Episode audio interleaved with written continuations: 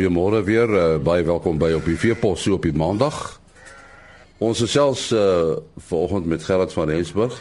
Hy is van die plaas Blenheim en hy het vanjaar SA Stamboek se melkbees Elite Stoet teeler toekenning gekry. Uh vertel ons net eers 'n bietjie Gerard, waar presies is uh hierdie plaas van jou? Ons boer so 40 km van Port Elizabeth hier in die Oos-Kaap. Ons boer op veiding, meer die harder veiding as die Sisikana, ons reënval is by 550 mm gemiddeld. So ons is nou nie in daai las veiding veidingsgedeelte van die Sisikana waar jy met sproeiing boer nie, alles is droëland hier by ons.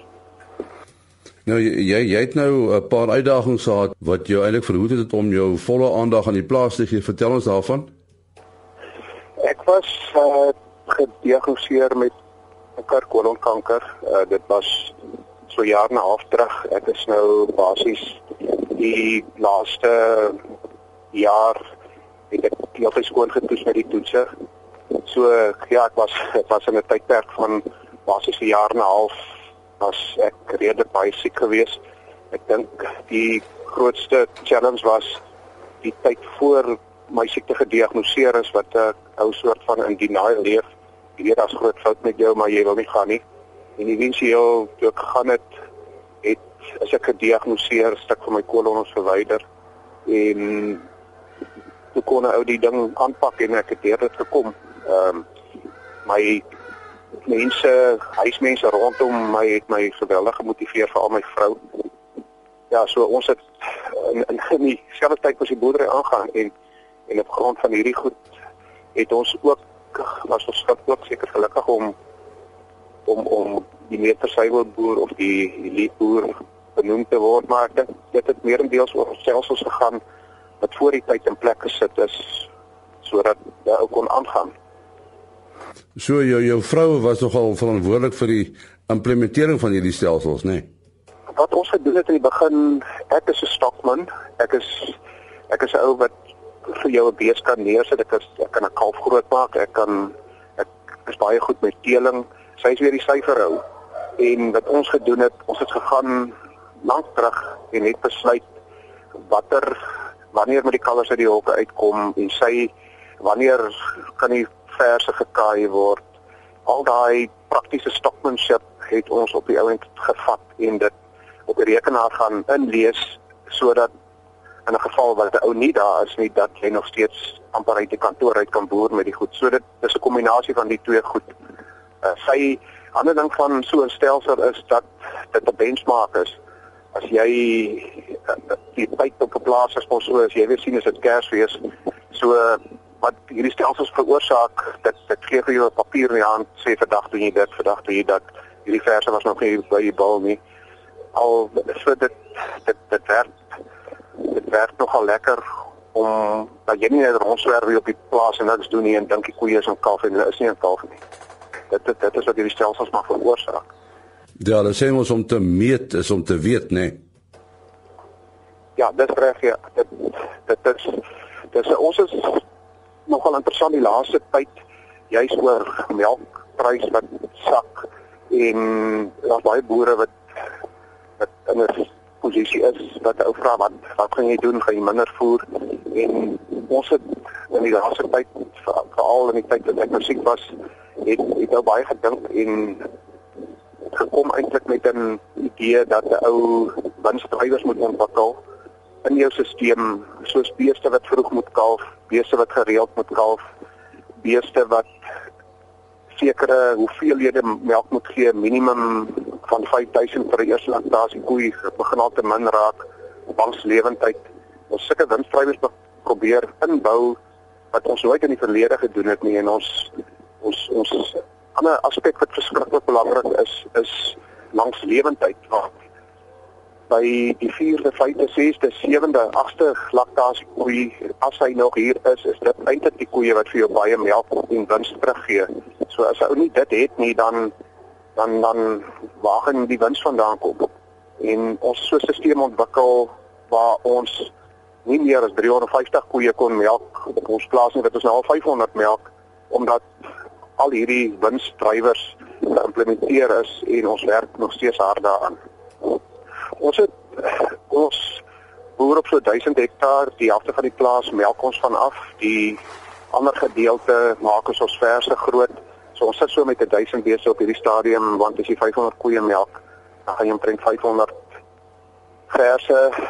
En so dit is mense dink nooit daaraan dat die dit gaan altyd oor die followers die die getalle wat nakom wat gewoonlik ook thousand wins op eet en en ek is in 'n gelukkige posisie wat wat ou genoeg grond het om daai faset ook self te kan kyk. Ek hoef nie my verse deur iemand laat groot maak nie. Ek deel hulle self weer sodat ons sit eintlik in 'n baie gunstige posisie rondom dit.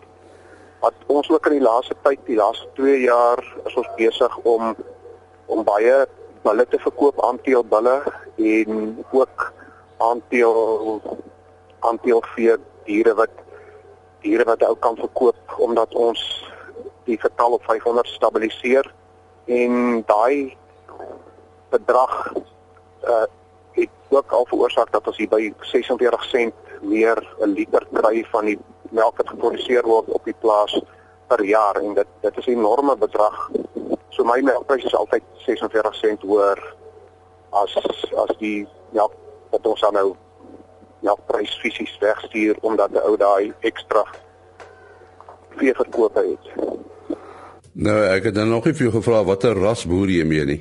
Ja, ons ons boer met jerseys. Ehm um, ek die jerseys by ons stuur is is hoogproduserende jerseys. Ons al 305 dae kudde gemiddeld is van die weidings af is hierso by 6.500 liter met 'n 4.5 vet en 'n 3.7 proteïen en dan ons kalfinterval is onder 380 dae. Ons somatiese seltelling is 120000. So dit die jersey is 'n ongelooflike doeltreffende ras wat hier op my plaas, hulle loop wyd met sekere tye loop die eerste twee laktasies tot 10 km op 'n dag.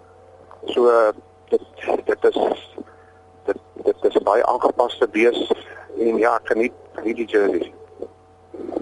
Maar jy sê eintlik dat alles begin met uh die stelsels wat jy in werking ge, gestel het. Wat ons doen is ons ons het in verlede net van die weidings afgemelk en as dit begin droog raak, gaan ou koeie voer en dit so dit was met droogte tye ons is uh ek dink seker so die laaste 3 jaar het dit goed gegaan met ons die vorige 3 jaar was 'n ongelooflike 3 jaar se droogte gewees wat wat dit regtig sleg sleg gewees het. Ek ek uh, die hele land is droog. Ek bid vir die hele land rondom dit want ek weet wat dit was om vir 3 jaar hierdie enorme droogte te hê. Dit is nie maklik nie.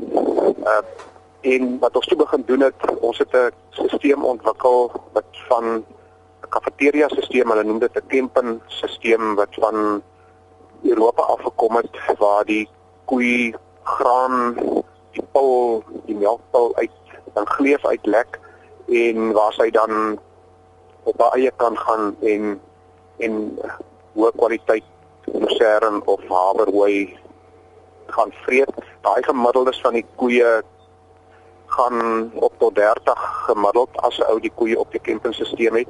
Die campingstelsel is vir my lekker omdat sou daar 'n bietjie van 'n droogte kom, dan vat jy koeie soontoe. Dit dit is amper soos 'n kamp by hek wat jy kan oopmaak en en die koeie op dit vat. Die wins op die stelsel is basies dieselfde as op die weiding omdat jy 'n tweede stelsel het. As die koe nie daar presteer nie, as hy begin die produksie daal, dan vat jy aan net na die tweede stelsel toe wat die weidingstelsel is. So ons sit nie in 'n posisie wat wat 'n ou volvoer kostes het vir laer produseerders en dit dit dit is 'n baie lekker stelsel wat ek in die begin ook gesê het. Dis waaroor ou koeie moet hê wat langs lewendheid kan hê want die derde plus laktasie koeie gaan daar op die eerste tweede laktasie koeie by nog steeds elke dag. So ons ons probeer dat die eerste tweede laktasie koeie hulle uitsorteer op die weiding en daarna die van die derde laktasie plus sou sy daar kom dan is dit 'n koei wat hoogs winsgewend kan wees. Uh jy het jy het nogal reën gehad tot dusver, nê? Nee? En nie ons het baie goeie reëns gehad. Ons het ons het 'n baie goeie winter gehad. Ons het op die gemiddeldes gaan kyk. Dit lyk vir my as ons winters het, dan is baie baie goeie reën in die winter dan het hy tog die geneigtheid om weer te dra in die lente ook in. Dat dit nou so 'n bietjie afgebreek die laaste maand, maar ons het nog steeds baie kos wat ons dan dan ook nou maar benut.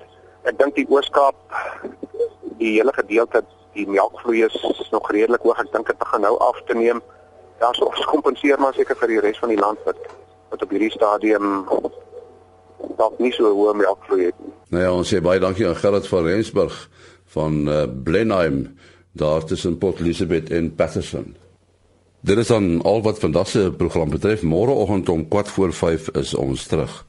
Onthou op die veepos word uh, elke weekoggend om 4 voor 5 hier op RC uitgesaai en die program is hoofsaaklik op die veebedryf en die wildbedryf gemik.